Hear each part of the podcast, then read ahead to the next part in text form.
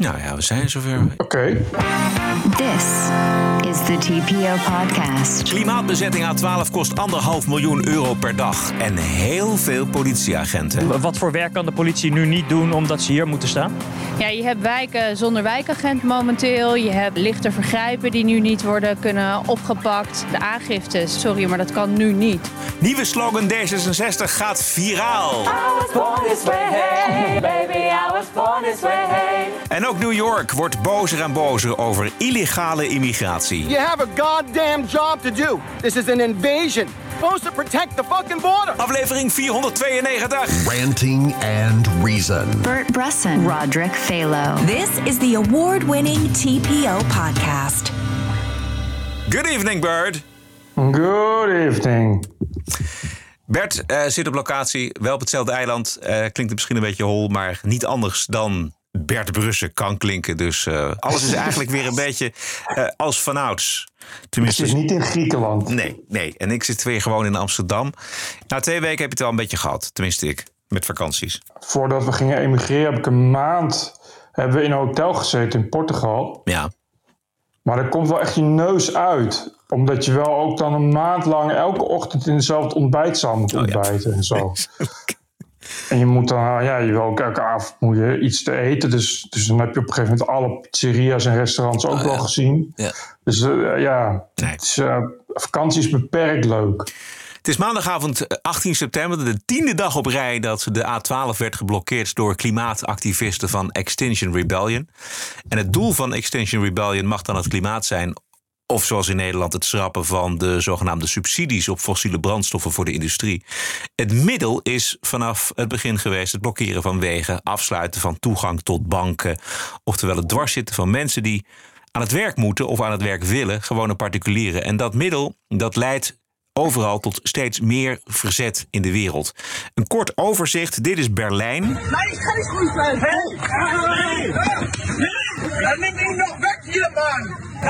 Ja, hier willen automobilisten klimaatdemonstranten wegslepen en worden daarvan weerhouden door de politie, nota bene. In Londen vertelt de politie de demonstranten juist van de weg te gaan. This procession is to continue and you do it in the road, you're liable to arrest. Okay? That's it. This procession will stop using the road and everyone taking part in this procession must move on to the pavement. You have 60 seconds to comply with these conditions. If you fail to comply, you'll be liable to arrest. The time is 8.12. Ja, krijgt toch gewoon eh, 60 Juist. seconden, een hele minuut om eh, van de rijbaan af te gaan. Volgens mij zijn de mensen, de gewone burgers, het middel wel een beetje zat. Ja, dat blijkt. Want ik zag van de week ook al een filmpje in Den Haag, volgens mij. Iemand die eh, inderdaad een, een blokkeerde te lijf wilde gaan. En die sloeg toen een verslaggever van Omroep West. En toen moest hij echt door de politie worden weggeknuppeld. Ja, had een busje, dus een schilder of een stucadoor of zo. Die zei, ja, ik wil gewoon naar mijn werk. Ja. Dat verhaal over subsidies is best ingewikkeld. Zometeen meer daarover ook van. Pieter Omtzigt. Maar je, kunt natuurlijk met, met het doel kun je sympathiseren. Ik heb mijn vraagtekens bij dat hele eh, eh, verhaal over subsidies.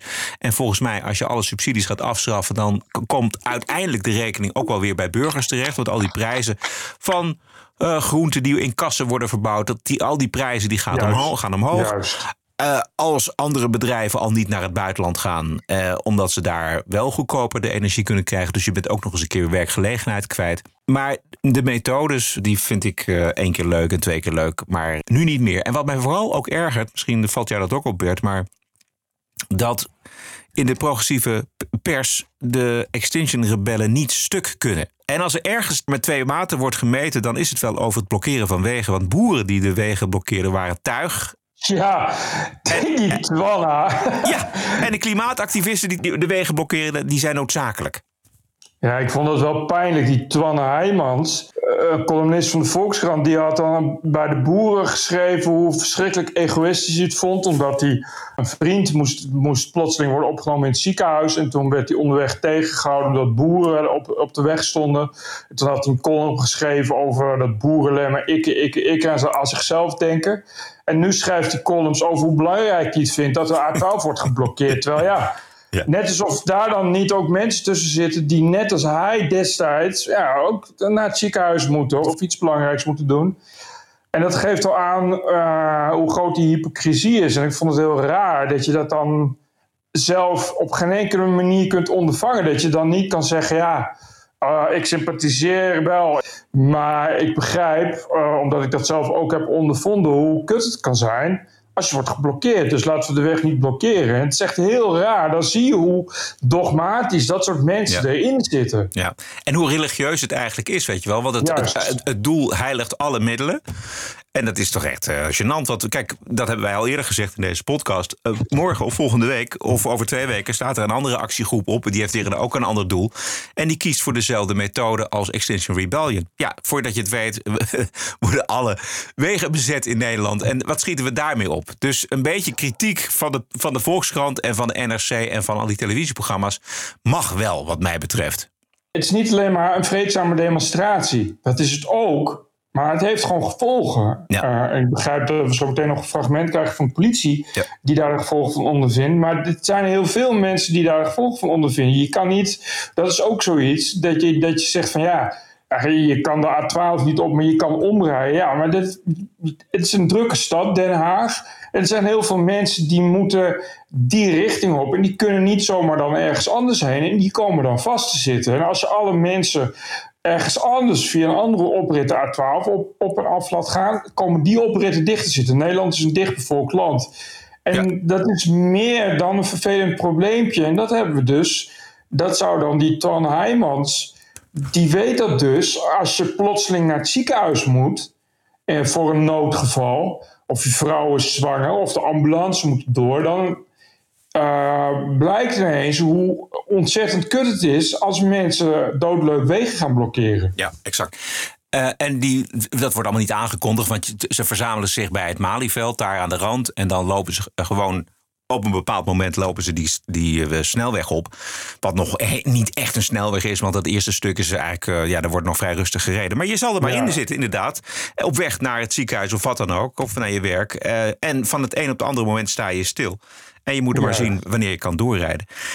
Nog even over die pers, want dus er vallen echt wel kritische vragen te stellen. Bijvoorbeeld over de wissel die de politie inzet eh, trekt op de rest van het land. En de Telegraaf deed eh, dat wel in gesprek met een woordvoerder van de Landelijke Politiebond. Wat voor invloed heeft dit nou op het eh, politieapparaat? Ja, het is een enorme uithollingsslag voor het hele politieapparaat, het hele politiekorps. Want wat je ziet is dat er mensen vanuit heel Nederland worden ingevlogen om hier het eh, werk eh, te kunnen doen. Wat voor werk kan de politie nu niet doen omdat ze hier moeten staan? Ja, je hebt wijken zonder wijkagent momenteel. Je hebt eh, nou ja, lichte vergrijpen die nu niet worden kunnen opgepakt.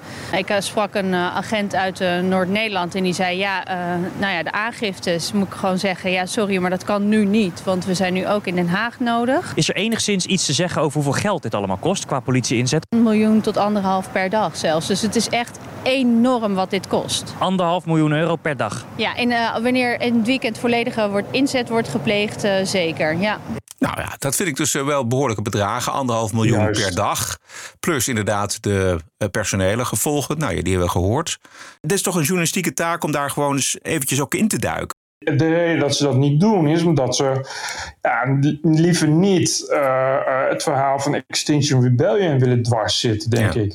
Ja, het is gewoon, als je dit hoort, is het best wel ernstig. Ja. Er zijn dus wijken waar geen wijkagent is en, en er worden ook geen aangiftes opgenomen. Dit is behoorlijke ontwrichting van je rechtsstaat. En je moet je afvragen of je dat dan wel echt, echt serieus heel lang wil. Ja, maar kritische vragen stellen is eh, uit en boos. Ik heb het zelf eventjes geprobeerd van het weekend op eh, Twitter.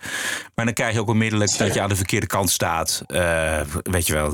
Want Ja, omdat je vragen stelt, kritische vragen stelt of kritische opmerkingen maakt over Extinction Rebellion. Hè, dan is er zo'n filmpje van zo'n meisje wat in een rolstoel zit, wat dan wordt weggereden. En dan wordt er eindeloze tweets van schandalig, schandalig. En dan zeg ik, nee, ik vind het helemaal niet schandalig. Ik bedoel, het pesten van automobilisten houdt een keer op. Ben je natuurlijk weer extreem rechts. En dan sta je aan de verkeerde Oh, kant ja. van de geschiedenis.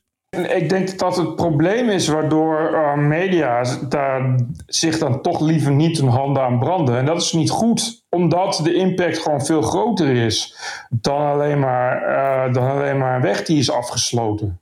Nou ja, als je er dus wel kritisch over bent, dan uh, merk je daar de gevolgen van in de media's. Uh, bijvoorbeeld Ja. eh, Katrien Keil, die heeft haar plekje moeten inleveren in het mediapanel op Radio 1, zegt zij zelf, vanwege haar anders denken over het klimaatbeleid.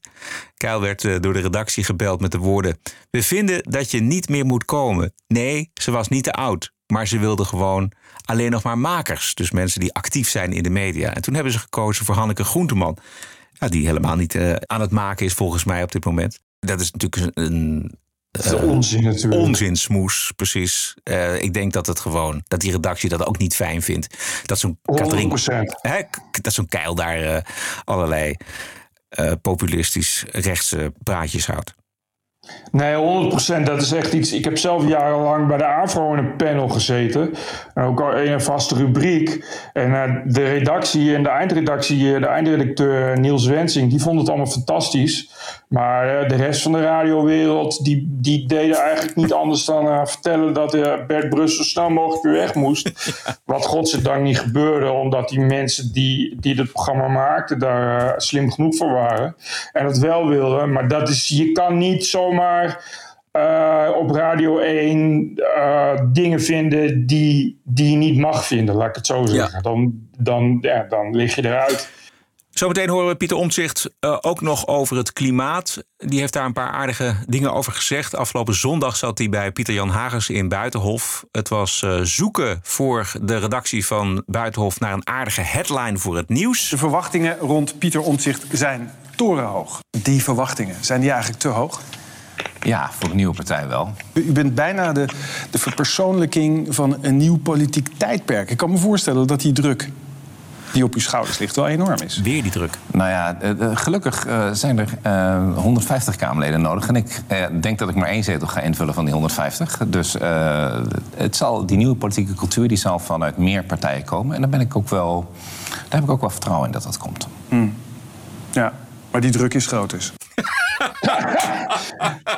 Zo. Ja, dan gaan we door over die druk. Ik denk dat ze op zoek waren naar de headline. Pieter Omtzigt bezwijkt nu al onder de druk. Ja. Nou goed, het ging onder meer dus over het klimaatbeleid... en de zogenaamde subsidies voor su- eh, fossiele brandstoffen aan de industrie. In Nederland is eh, dat bedrag zo opgelopen vanwege de manier wat men een subsidie noemt. Dus even de technische definitie. In 2017 betaalt een huishouden over een kuub gas 27 cent belasting. Ja. Dat is vorig jaar 46 cent geworden, dus bijna verdubbeld. En wat zeggen de actievoerders? Als we nou alle bedrijven ook 46 cent laten betalen, dan noemen we dat subsidie. Dus daarom is dat bedrag zo hoog geworden, omdat de, de particulieren zoveel zijn gaan betalen. In vergelijking tot de bedrijven. in vergelijking de bedrijven. Dus laat die bedrijven meer betalen, zeggen de actievoerders. Zegt u ze dat na? Degenen die denken dat je 40 tot 46 miljard gaat binnenhalen, die denken dat, dat als je Nederlandse bedrijven zodanig belast dat ze tien keer zoveel belasting betalen als in landen eh, hiernaast. En dan hier blijven. Dat gaat niet werken. Dat gaat niet werken. En dan gaan die bedrijven vak over de grens zitten. Gaan ze daar dat is produceren. niet de bedoeling. En dan gaan ze daar produceren. En dan zeggen wij, wij gebruiken geen CO2-uitstoot, maar we kopen precies die producten. Dus ik bedoel, kom op, we moeten dat waterbedeffect, eh, daar, gaan we het, eh, daar gaan we het ook niet voor doen. Ja, en dit vind ik zo super interessant. En het duurt maar weken en weken en weken voordat iemand eens een keer uitlegt, eh, mensen met kennis van zaken, de- gewoon de journalisten die dit moeten uitzoeken in de kranten, hoe dat nou precies zit met die subsidies. En af en Ja. toe, iemand doet af en toe wel eens een. eh, Ik zag Matthijs Bouwman bij eh, Nieuwsuur, die, die, die doet een poging. Oké, allemaal prima, maar het zit nog veel ingewikkelder in elkaar. Maar laat dat dan zien en toon dan, zeg dan ook van: weet je, als we de, zeg maar, de bedrijven op hetzelfde niveau trekken als de particulieren, dan eh, zijn dit en dit de gevolgen. Die kun je economisch ook goed natrekken. Komt er weer zo'n onderzoek, een rapport. Oh, subsidies nog hoger dan berekend. Ja. Eh, en dat wordt dan heel groot gebracht. Terwijl eh, dan inderdaad de gemiddelde Matthijs Bouwman, die leest dat een uurtje. En die komt dan al eh, zo met 18 gaten die hij erin kan schieten. Ja. Plus, we hebben een gelijk speelveld in Europa. Dus als je hier zegt, we gaan bedrijven bijvoorbeeld die 46 eh, eurocent eh, per kubieke eh, meter gas gaan we in rekening brengen. Ja, wat doen dan bedrijven? Die kunnen dat niet betalen. Tuinglasbouw, andere bedrijfsleven kan dat niet. En die vertrekken dan natuurlijk over de grens naar Duitsland en naar België. Omdat ze daar onder dezelfde voorwaarden, maar goedkoper kunnen produceren. Dus je, je, je concurreert je, jezelf helemaal uit de markt als Nederland. Dat wil niemand. Maar dat is nou typisch een taak voor de journalistiek om dat helder en duidelijk neer te zetten. En niet alleen maar meehuilen met die klimaatdemonstranten. Exact. En daar wordt het moeilijk die actievoerders die, die zeggen stop met fossiel, stop oil nou. Ik zag vandaag iemand op LinkedIn die werkt in de, in de olie, die verkoopt smeerolie, zoiets. En dan groot, groot gedacht aan industrie. En die had van de week, twee weken geleden, een post gemaakt van wat het betekent als je echt zou stoppen met olie.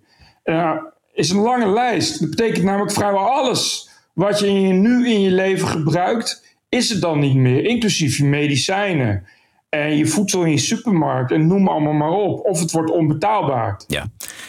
Wat zouden we toch ongelooflijk ver al zijn als we vijf à tien jaar geleden al begonnen waren met de bouw van twee, drie, vier nieuwe kerncentrales? Nou, zeg dat. Dat scheelt echt een slok op een borrel. En er waren al die demonstraties en waren gewoon niet gebeurd. Maar nee, dat kon niet. En dat ligt ook aan Timmermans. Laten we dat niet vergeten. Het ligt aan Dirk Samson.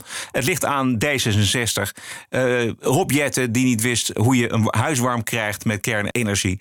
Daar zijn beleidsmedewerkers en politici uh, totaal de mist in gegaan. Laten we dat niet vergeten.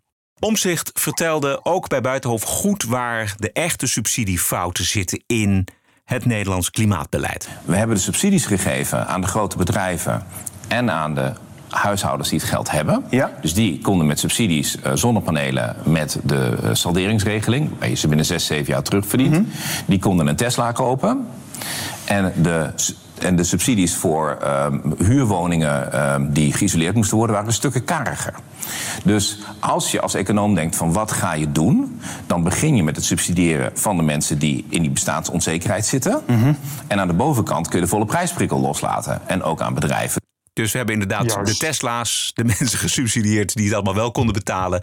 En nu moeten uh, ja, de mensen met een uh, modaal of lager modaal inkomen moeten die inhaalslag maken. Dat gaat natuurlijk niet.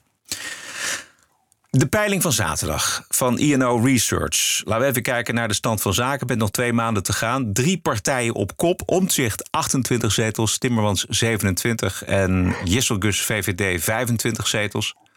BBB en PVV beide 14 zetels. Weer een zetel eraf voor D66 van 7 naar Zes zetels, ongelooflijk. Maar gelukkig is er een uh, nieuwe generatie, D66-ers, die het tij gaan keren. Dit is er eentje. Baby, was born this way. I was born Ik wil een Kamerlid zijn waarin jij je kunt herkennen. Die toegankelijk is en open is over mijn uitdagingen. Als jonge, biseksuele vrouw en in mijn relatie met mijn vriend Sven, die een transman is, tegenaan loopt. Ja, dit is Carline van Breugel. En Willem Treur had een hele grappige bespreking van deze, dit, dit stukje internet wat uh, viraal gegaan is. Ontzettend grappig, ja. Ik had uh, getwitterd, is dit echt? Ja. En uh, boven dat filmpje. En dat was ook 25.000 keer bekeken, mijn tweet.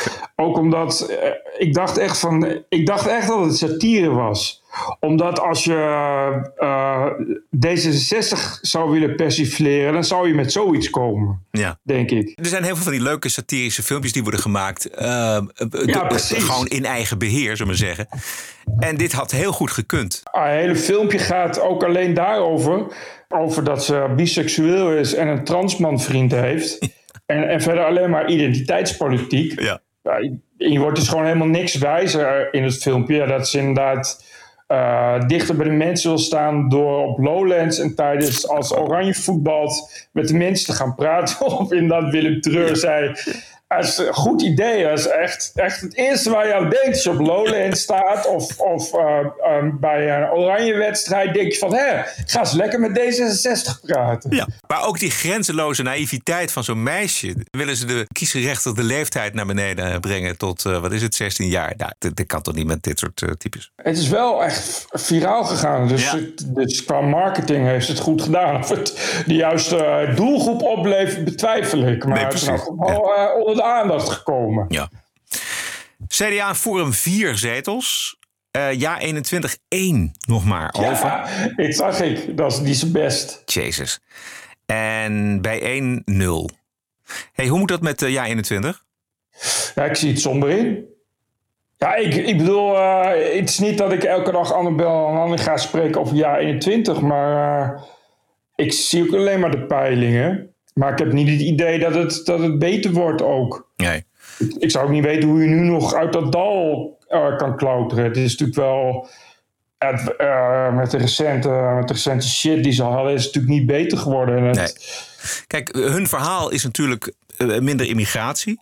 Uh, maar ja, er zijn natuurlijk genoeg mensen van ja 21 nu naar BBB gegaan. En die vertolken datzelfde verhaal natuurlijk. Zo'n Dirk-Jan Epping bijvoorbeeld. Ja, die, ja bedoel, precies. Als, als, je iets wil met minder migratie, dan, dan ga je toch kijken naar BBB. Mona Keizer heeft er ook nog een verhaal over afgestoken. Ik heb eventjes zitten kijken naar de uh, mogelijke coalities uh, tot nu toe. Uh, we hebben nog lang te gaan, dus er is nog uh, van alles mogelijk. Maar um, als je kijkt bijvoorbeeld over rechts, dan zien we Omtzigt plus VVD plus BBB.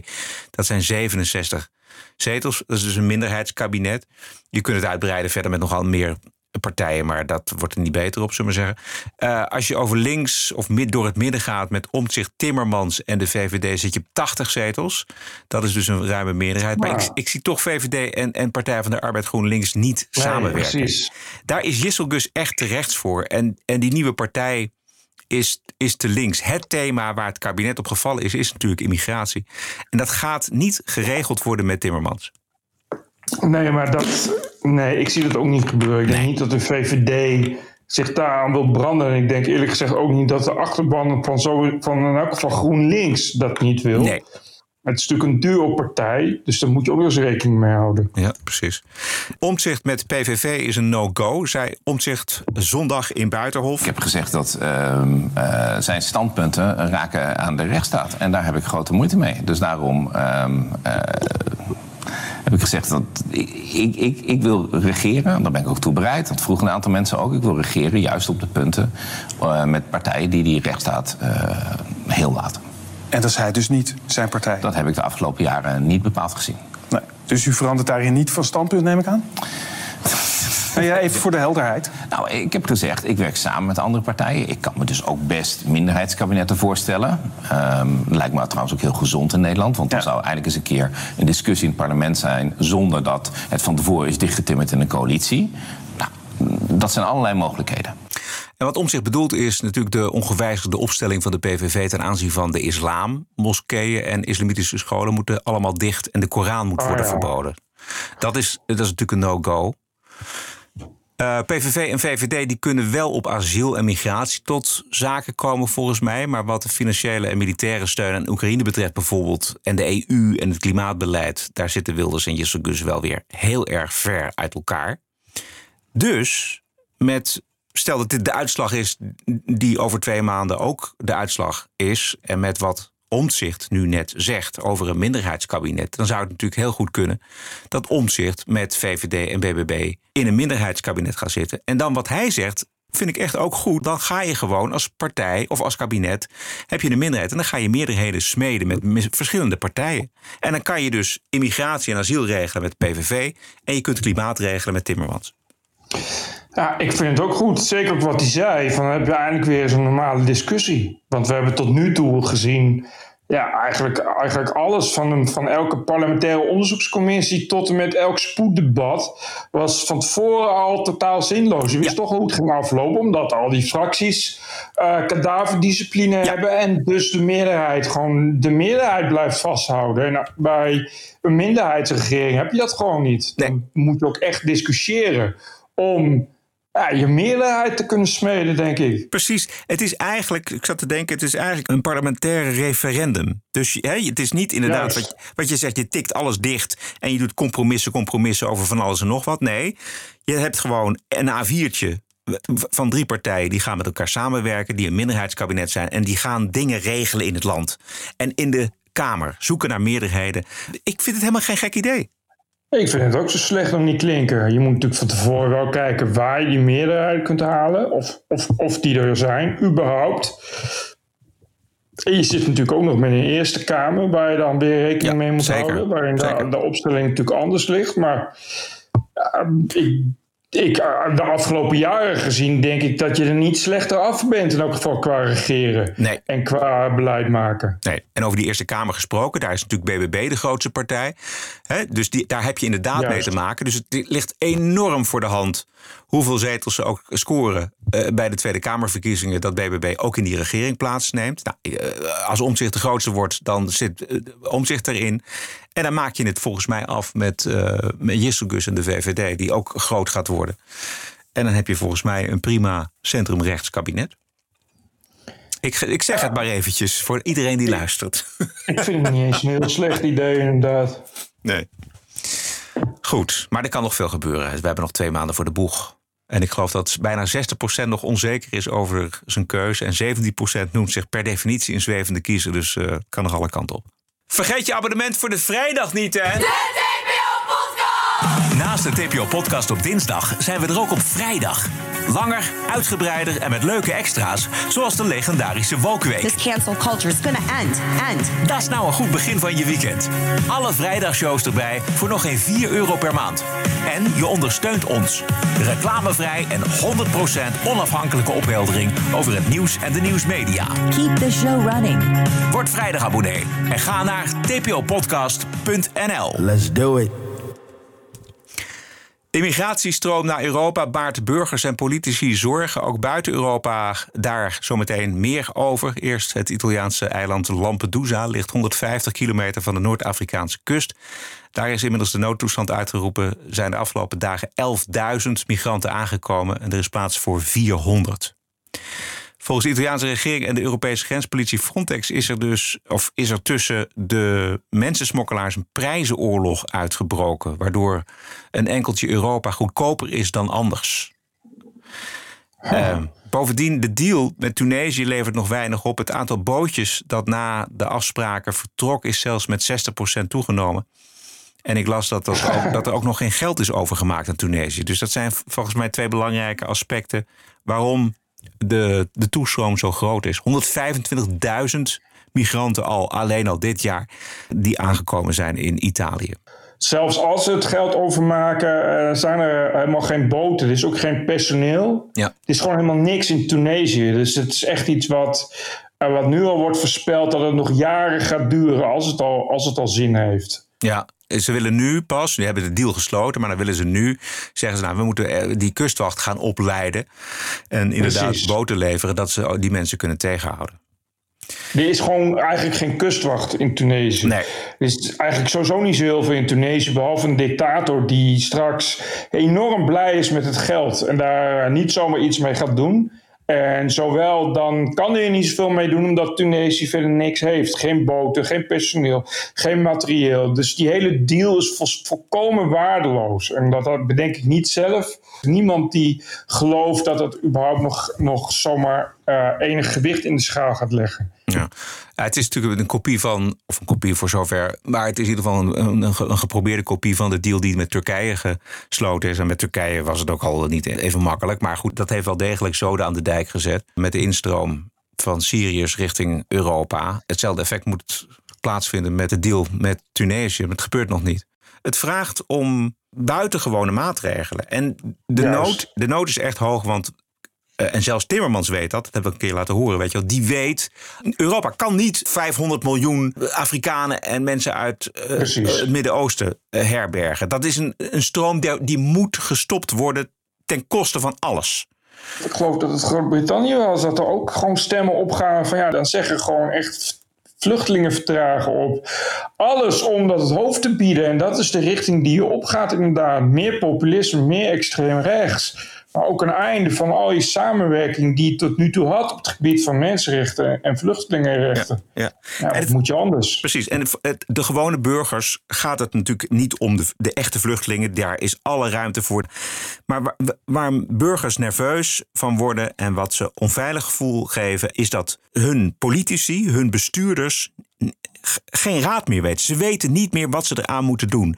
En die incompetentie of impotentie, ho- hoe je het wil noemen, dat maakt dat mensen op zoek gaan naar mensen met radicale oplossingen. En dat ze in opstand komen. New York krijgt op dit moment tienduizenden illegale immigranten te verwerken. En vorige week hebben we de burgemeester van New York, Eric Adams, uh, daar zijn wanhoop over horen uitspreken. Klein stukje nog daaruit. We're getting 10,000 migrants a month. People from all over the globe have made their minds up that they're going to come through the southern part of the border and come into New York City. This issue will destroy New York City. Opvang en financiering is een enorm probleem. En er dreigt een opstand van gewone New Yorkers die het niet meer trekken. Illegale immigranten in de straten en in de hotels waar ze worden ondergebracht. Dit is de Amerikaanse afgevaardigde Jerry Nadler, een democraat. En hij geeft een statement af midden in New York. En aan hoe zijn woorden gehoor vinden bij de mensen op straat kun je ongeveer afleiden hoe groot het vertrouwen in deze man nog is. We have additional resources to New York and other cities welcoming migrants. Unfortunately, House Republicans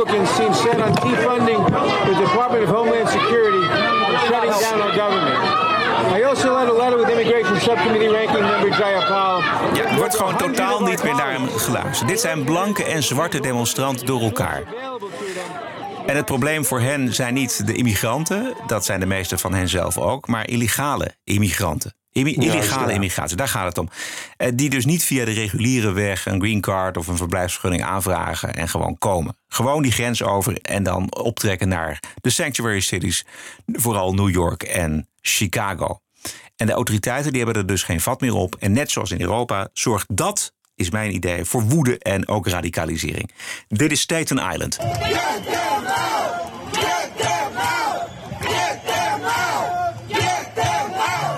Get them out. Ironisch genoeg, hè? New York, wat toch altijd het grote opvangplek is geweest, de bakermat van immigratie zo'n beetje. Maar ja, het houdt gewoon een keer op. En het houdt, het houdt overal op als Trump uh, had doorgezet met die muur bouwen. Trump mocht, kon dat niet afmaken, omdat ja, dat is te kwetsend. En dan word je, uh, word je afgemaakt. Terwijl volgens mij moeten we daar gewoon meer in durven.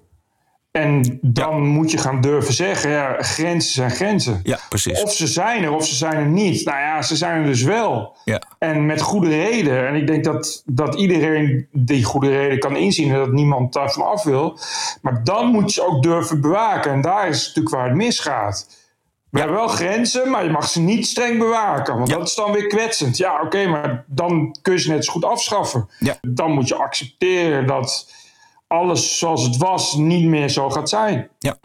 Voor iedereen die maar meer over wil weten, ook gewoon van iemand die vanuit het midden of zelfs vanuit de linkerkant het een en ander over gezegd heeft, ik, raad ik absoluut Paul Scheffer aan met het boekje Over Grenzen.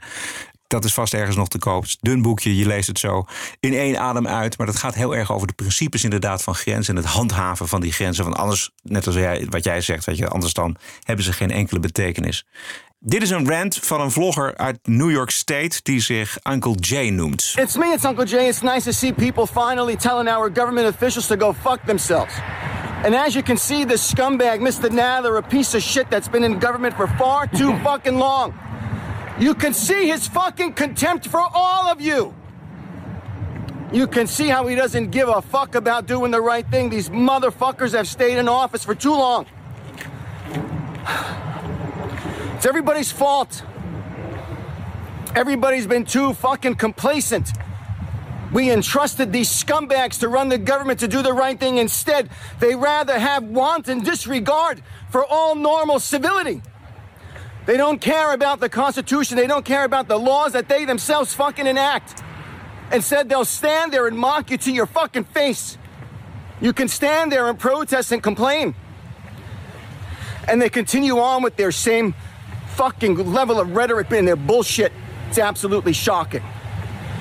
If this piece of shit and AOC and the rest of them aren't run the fuck out of the city today, well, there's something wrong with everybody in America. Why does it have to take the destruction of our city in order for people to be pissed off and talk like normal people and accept the reality that letting in millions of animals from around the world is not the fucking job of the government?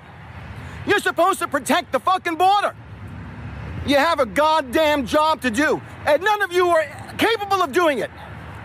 You think that our city, our state, our country is your own fucking personal playground. This is an invasion. Duidelijk, helder, krachtig, een goede rent. Hij is natuurlijk wel geradicaliseerd. Het blijft het wel over animals die over de grens komen. Er zitten drugsmokkelaars tussen. Er zitten mensensmokkelaars tussen. Er zitten criminelen tussen. En de Amerikaanse regering heeft er geen vat op, geen zicht op. Ze kunnen die grens niet bewaken. Ze doen het niet. Ja, dan krijg je dus dit soort reacties. Krijg je dit, deze woede krijg je dan. Als je leest uh, wat er allemaal gebeurt in New York en wie ervoor verantwoordelijk zijn, het is, uh, deels zijn dat inderdaad van die gangmembers die, die uit Zuid-Amerika komen. Het zijn geen lekkere lui. Ja. En dat komt dan wel in je stad binnen. En die hele grote groep uh, illegale immigranten, die zijn natuurlijk altijd, die gingen, die, die, die zuidelijke staten van de Verenigde Staten gingen die in. En die bleven daar wat, nou, uh, werk zoeken, et cetera. Maar nu trekken ze dus door naar de steden die zeggen, die zeiden vroeger, hè, uh, democratische steden als New York en Chicago, van kom maar deze kant op. Wij, wij bieden je onderdak. Nou, en nu komen ze Precies. en nu merken ze, burgers en politici, dat het gewoon allemaal veel en veel te veel is. En dan denk je toch, ja, stond die muur er maar. Maar goed, het, is, het speelt dus aan beide kanten van de Atlantische Oceaan. Het speelt zowel in uh, de Verenigde Staten als in Europa. Grenzen moeten we stellen. Grenzen. Ho tot hier en niet verder. TPO Podcast. Ik heb nog een bonusquote. Van? En die bonusquote die luidt als volgt. Dit is een persoonlijk verhaal waarvan ik hoop dat je het je inspireert. Oh, dit klinkt heel inspirerend en hartverwarmend. ik ben benieuwd waar je het vandaan hebt. Ja, het is de quote die komt van Bert. Bert heeft een uh, heel, uh, ja, ik vond het wel een aardig verhaal, moet ik zeggen. Ja, ik dacht ook wel. Mooie foto van zonnebloemen erbij. Bert doet een openhartig boekje open over uh, wat hij in zijn korte leven allemaal al heeft meegemaakt. Dat, ik heb geen, uh, geen diploma's, of ik heb wel diploma, alleen een MAVO-diploma. Uh, en, en, maar ik heb wel toch nog gelukt om op de universiteit te komen op de een of andere manier. Daar ook alleen maar proppenduizen. Maar ik doe gewoon mijn ding. Onderdeel van is om gewoon uh, uitdagingen aan te gaan en dingen te doen.